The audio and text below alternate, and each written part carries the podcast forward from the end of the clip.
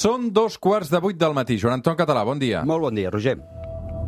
3, 2, 1, seganya!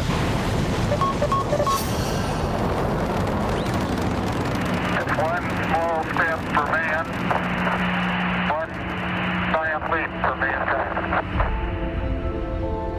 Com va la vida, Joan Anton Català? Ai, moltes, moltes ganes del programa d'avui, Roger. És diumenge, és l'hora que surt el sol al suplement, mirem cap al cel, però mirem també cap a la terra i cap a la ciència al Sí. capdavall. Uh, ho fem ja des de fa uns quants anys amb el Joan Anton Català. Avui, una de les troballes eh, més fascinants i que més informacions ha donat sobre l'ésser humà i la nostra naturalesa. Avui parlem de l'home Dotzi, un cos humà mumificat que es va trobar als Alps de fa uns 5.000 anys, no? Mm -hmm, exacte. i que s'ha preservat de manera extraordinària. Avui la Terra es plana una prova de com érem els humans fa almenys 5.000 anys. Primer de tot, uh, quan es va trobar aquest senyor? Tio, és que és, és un programa espectacular. Tu fas a sobre, eh? És que, és que, sí, és que... Mira, aquest programa ha estat esperant, igual que l'Home 12, que ha estat Ah, la mòmia, ha 5.000 estat esperant anys. 5.000 anys que la descobríssim, aquest programa ha estat esperant uns quants capítols, perquè hi havia novetats, hi havia coses que anaven sortint i feien endarrerir no, a l'Home 12. Mira, això és... Eh, a l'any estem a l'any 1991. Això és com un, és, és una història, és una novel·la, eh? 1991, el 19 de setembre, dos excursionistes alemanys, Erika i Helmut Simon, van i descobreixen un cos mumificat als Alps, a 3.210 metres d'altura, a prop d'un lloc que es diu Tissenhoek, Giorgio di Tissa, és a dir, entre la frontera entre Suïssa i Itàlia, i tan sols sobresortia la part, la part superior del, del cos. Eh, avisen a la policia, a les dues policies, a l'austríaca i a la italiana, perquè està a la frontera, i en primer, en primer instància pensen que potser és un alpinista que fa uns anys que va morir i va quedar en allà, però ja veuen que hi ha cosetes que no, perquè, per exemple, recuperen de seguida una destral. Només veure aquesta destral diuen, ostres, això, això és excepcional, això és una troballa excepcional. Uh, recuperen el cos el dia 23 de setembre, és a dir, quatre, quatre dies després. Uh, protegeixen el cos i el traslladen en helicòpter primer a Vent, a la vall d'Otzal, a Àustria, i després dins un taüt a l'Institut de Medicina Forense d'Innsbruck. I allà es comencen tot un reguitzell d'estudis que encara ara s'estan fent, no només en aquí, a altres llocs, per exemple a l'Institut Max Planck, que en parlarem, estudis, anàlisis, ja que es tracta, fixa't de la mòmia, més ben preservada que s'ha trobat mai a Europa. I proporciona moltíssimes pistes de com érem, com érem en aquell moment, com es vivia i sobretot la història de la mort, que és espectacular, és CSI total, mm. és CSI total. Ah, perdó, ah, no t'ho he dit, però ho has dit tu a l'entrada, però anem a, anem a Sí. precisar. El moment de la mort. El moment de la mort s'ha situat fa 5.300 anys. Això és el neolític, víctima d'un atac. Deixem-ho aquí de moment. Ara explicarem de què d'aquí una estona, eh? Mm -hmm. Sembla un capítol del Crims, això. Eh, ho és. Què es va poder analitzar sobre com era aquest home abans de morir? Bueno, com que està tan ben preservat, fixa-t'hi, s'ha aconseguit decodificar el seu genoma. Fa 10 anys que es, va, que es va fer. I és el primer cop que el genoma d'una mòmia s'aconsegueix decodificar. La informació és molt rellevant per tot el que ara explicarem. I recentment l'Institut Max Planck ha aportat noves dades genètiques i ja tenim un retrat robot Mm? 12, que ara t'explicaré. Que, per cert, canvia algunes coses del primer retrat robot que s'ha- s'havia fet. Per exemple, sabem que tenia la pell fosca. Ah. Força, força més fosca del que inicialment pensàvem, perquè inicialment eh, la mòmia està, té color fosc per, per l'estat de la mòmia, no? I pensava... no, no, Després però... de 5.000 anys. Imagina't com estaria jo. però, però realment, realment la seva pell eh, era, era fosca i, i ha patit poca transformació des del moment de la mort. El color d'ulls, fosc.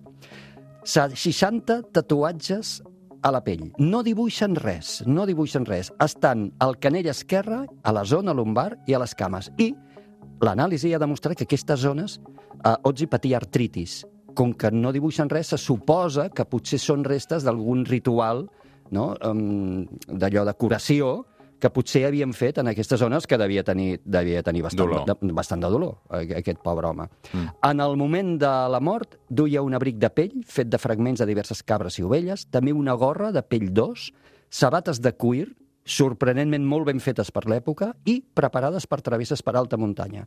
També portava una destral petita, feta de coure i una daga amb dues amb empunyadures de fusta.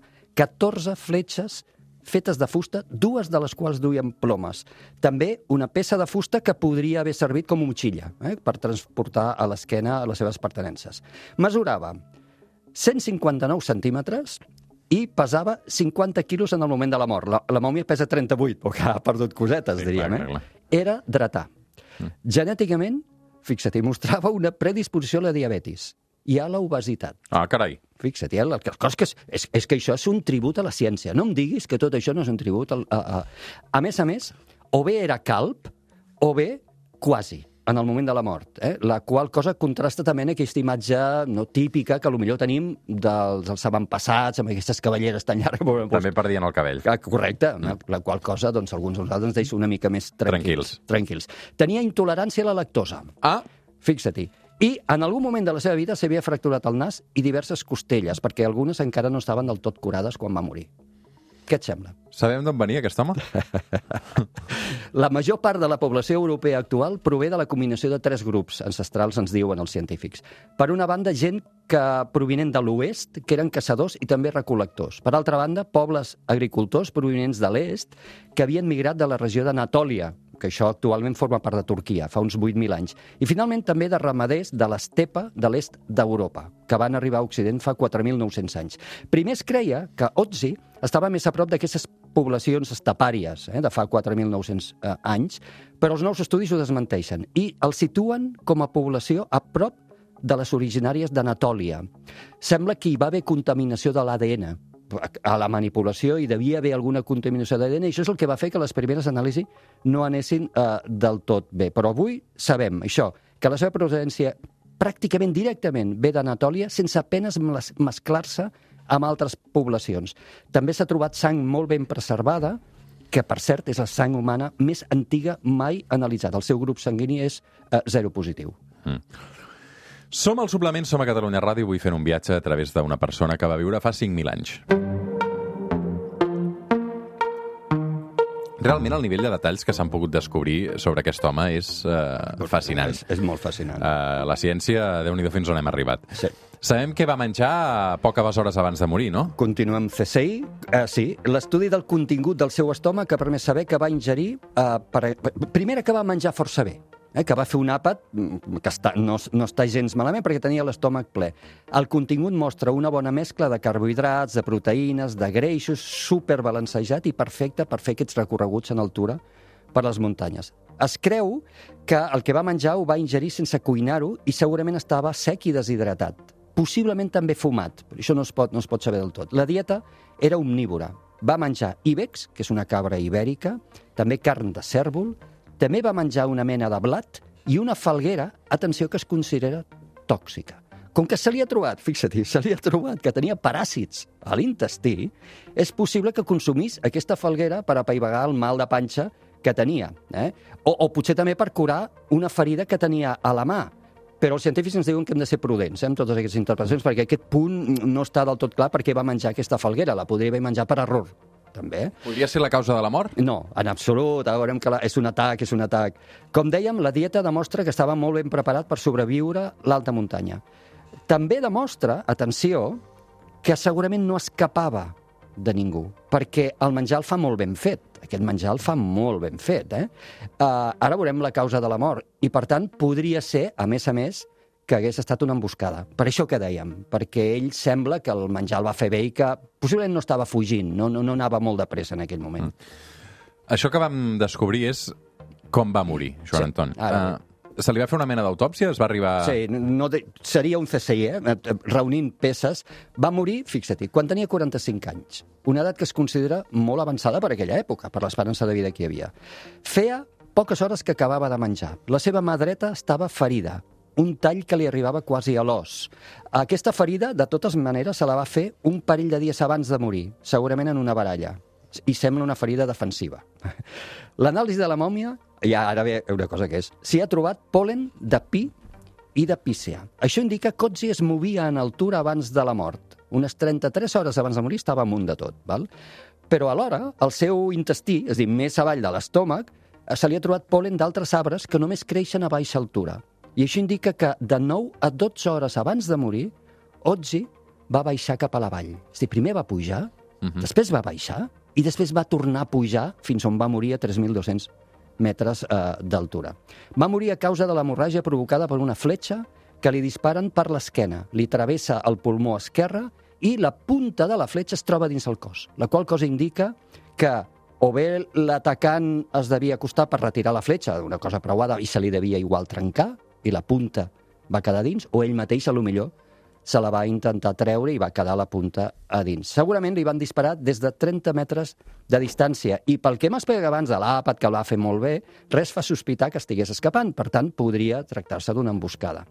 Clarament, el lloc on es troba la mòmia en mort no és de fàcil accés, de manera que qui fos qui el volgués matar va pujar allà expressament a esperar-lo i, i a matar-lo.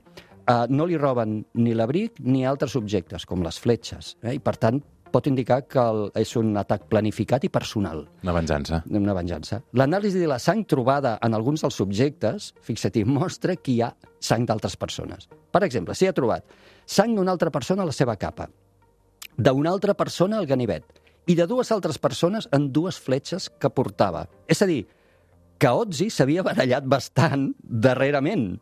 Eh? Um, o potser fins i tot en el moment de la mort, tot i que les fletxes no, les fletxes clarament ens indiquen que segurament, i la, i la, la ferida defensiva a la mà, això ve d'abans, no? Va morir a primavera, o començaments d'estiu, ho sabem també gràcies al polen, i la mort se sospita que va ser lenta i agònica. No em diguis que no és captivant tot això. Fascinant, no? Bueno, T'estàs imaginant és- com devia ser viure fa 5.000 anys És que a través de la mort d'una persona. Correcte. I, I jo, tal com llegeixes la història, és que la vas, te la vas imaginant, fins i tot fas el retrat no, del paisatge, del lloc, de l'atac. També et dic una cosa, quina sort haver nascut eh, al segle XX. Eh, I tant, eh, és que no, no, no ens no podem, a vegades quan ho penses, no, les condicions en què vivien, l'esperança de vida, però també les condicions sanitàries, de tota, de tota mena. No, no, eh, evidentment, jo no voldria haver nascut. Sí que m'agradaria veure-ho per un forat a vegades, eh? però des d'aquí, saps, si fos possible.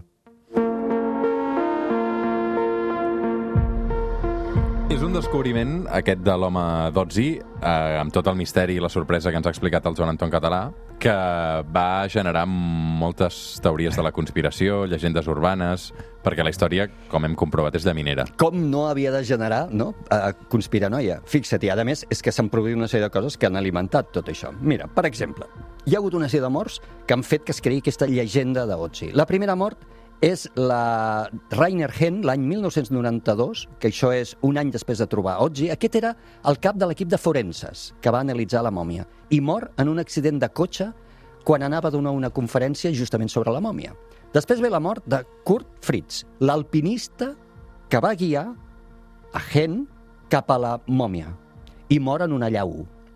Uns mesos després, l'única persona que havia tingut autorització per enregistrar en pel·lícula amb càmera l'operació de rescat de la mòmia, que és un periodista austríac, Rainer Holz, moria als 47 anys d'un tumor al cap. La mort més sorprenent és la d'un dels descobridors, Helmut Simon, un dels dos que el va descobrir. El troben mort, gelat, a prop del lloc on havia descobert la mòmia eh, a l'any 2004. Després del seu funeral, Dieter Barnecke, el cap de l'equip de rescat que va sortir a buscar-lo a la muntanya, moria d'un atac de cor. Després segueix la mort de l'arqueòleg Konrad Spindler, el primer en inspeccionar la mòmia, que va morir d'esclerosi. I finalment, Tom Loy, eh, que és qui va dur a terme els primers anàlisis de DNA d'Otzi, el troben mort als 63 anys a casa seva a Brisbane l'any 2005. Fixa't que són morts que no estan relacionades, és dir, que són de causes diverses. Tenen un factor comú, Otzi, i d'aquí és on s'ha creat aquesta llegenda de la mòmia d'Otzi, que encara fa més fascinant tot això. Que és com si la natura ens hagués deixat Otzi perquè puguem entendre puguem practicar no? la nostra ciència i puguem entendre com érem, però també ens ha creat una sèrie de casualitats absolutament atzeroses eh, per alimentar també aquesta conspiranoia que els humans busquem patrons a tot arreu per crear aquestes llegendes i aquestes coses tan impactants. Com et va arribar a tu la història? Jo la coneixia, jo la recordava d'haver-la llegit, no recordo on. No sé si un National Geographic, però fa molt, fa molt de temps. Mm. Uh, I m'havia anat eh, anant i venint, saps? Havies anat llegint coses i quan vaig llegir aquestes uh, darreres anàlisis que havia fet a l'Institut Max Planck de DNA em va venir al cap la idea de que s'havia d'explicar això, no? Perquè, buah, és que, ja et dic, és un monument, és un tribut a la ciència. Jo penso que és un tribut a la capacitat humana de- d'anàlisi, no? I De- remenar... D'on eren els científics que...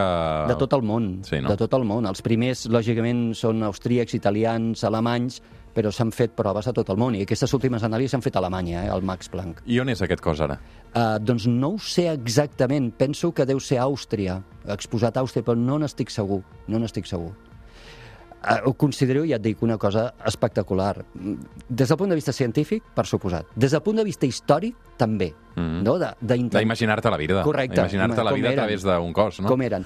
Com la- te l'imagines, la vida, fa 5.000 anys? Duríssima, clar, duríssima. Fixa't, eh, mm, la teva vida corria perill per molts motius. Diríem, el primer per malalties, no? per les condicions de vida, per les baralles constants. Mira aquesta mòmia, és a dir, aquest tio s'havia barallat. Tenia Bueno. I en aquest cas per un altre humà. No? En aquest cas per un altre humà, però també... Però vés a saber si, si és un os, un cocodril o... Correcte, per les bèsties que en aquell moment hi havia. Fixa't, eh, ell tenia una gorra fet de pell d'os. Mhm. En aquell moment hi havia bèsties que hem pràcticament eliminat d'Europa. Estem imaginant una mica el Renacido, aquí. No? Bueno, sí, correcte, aquella pel·li, sí. Um, devia ser, havia de ser duríssim. Condicions sanitàries, uh, no sé, tot plegat. Però som nosaltres. És, són els nostres Mm. Ancestres. sí, sí. El nostre ADN és aquest, aquest mateix ADN. Venim d'aquí, eh? Som uns supervivents, no? Som totalment supervivents. Mira, també per donar-te una dada de com els humans ens hem expandit en aquest, i hem conquerit la Terra, les poblacions humanes, lògicament, han han anat creixent, no? Des de que l'Homo sapiens va aparèixer a Àfrica fa entre 200 i 300.000 anys, hem anat expandint-nos i ens hem convertit en una espècie que es reprodueix a, una, a un ritme tremendo. Vaig llegir una dada, res, fa uns dies, cada dos dies, cada dos dies, la població humana creix amb igual quantitat que tota la població existent de grans simis que no siguin humans. Això indica dues coses. Una, que creixem molt, Uh -huh. que creixem, ens reproduïm molt de pressa. Dos, que hem pràcticament eliminat els grans simis de la Terra. Això són els ximpancers, els bonobos, els goril·les i els orangutans. Els quatre espècies de grans simis junts amb nosaltres, que som els grans simis, doncs en dos dies la nostra població creix tant com tota la població que hi ha al món d'aquestes quatre altres espècies.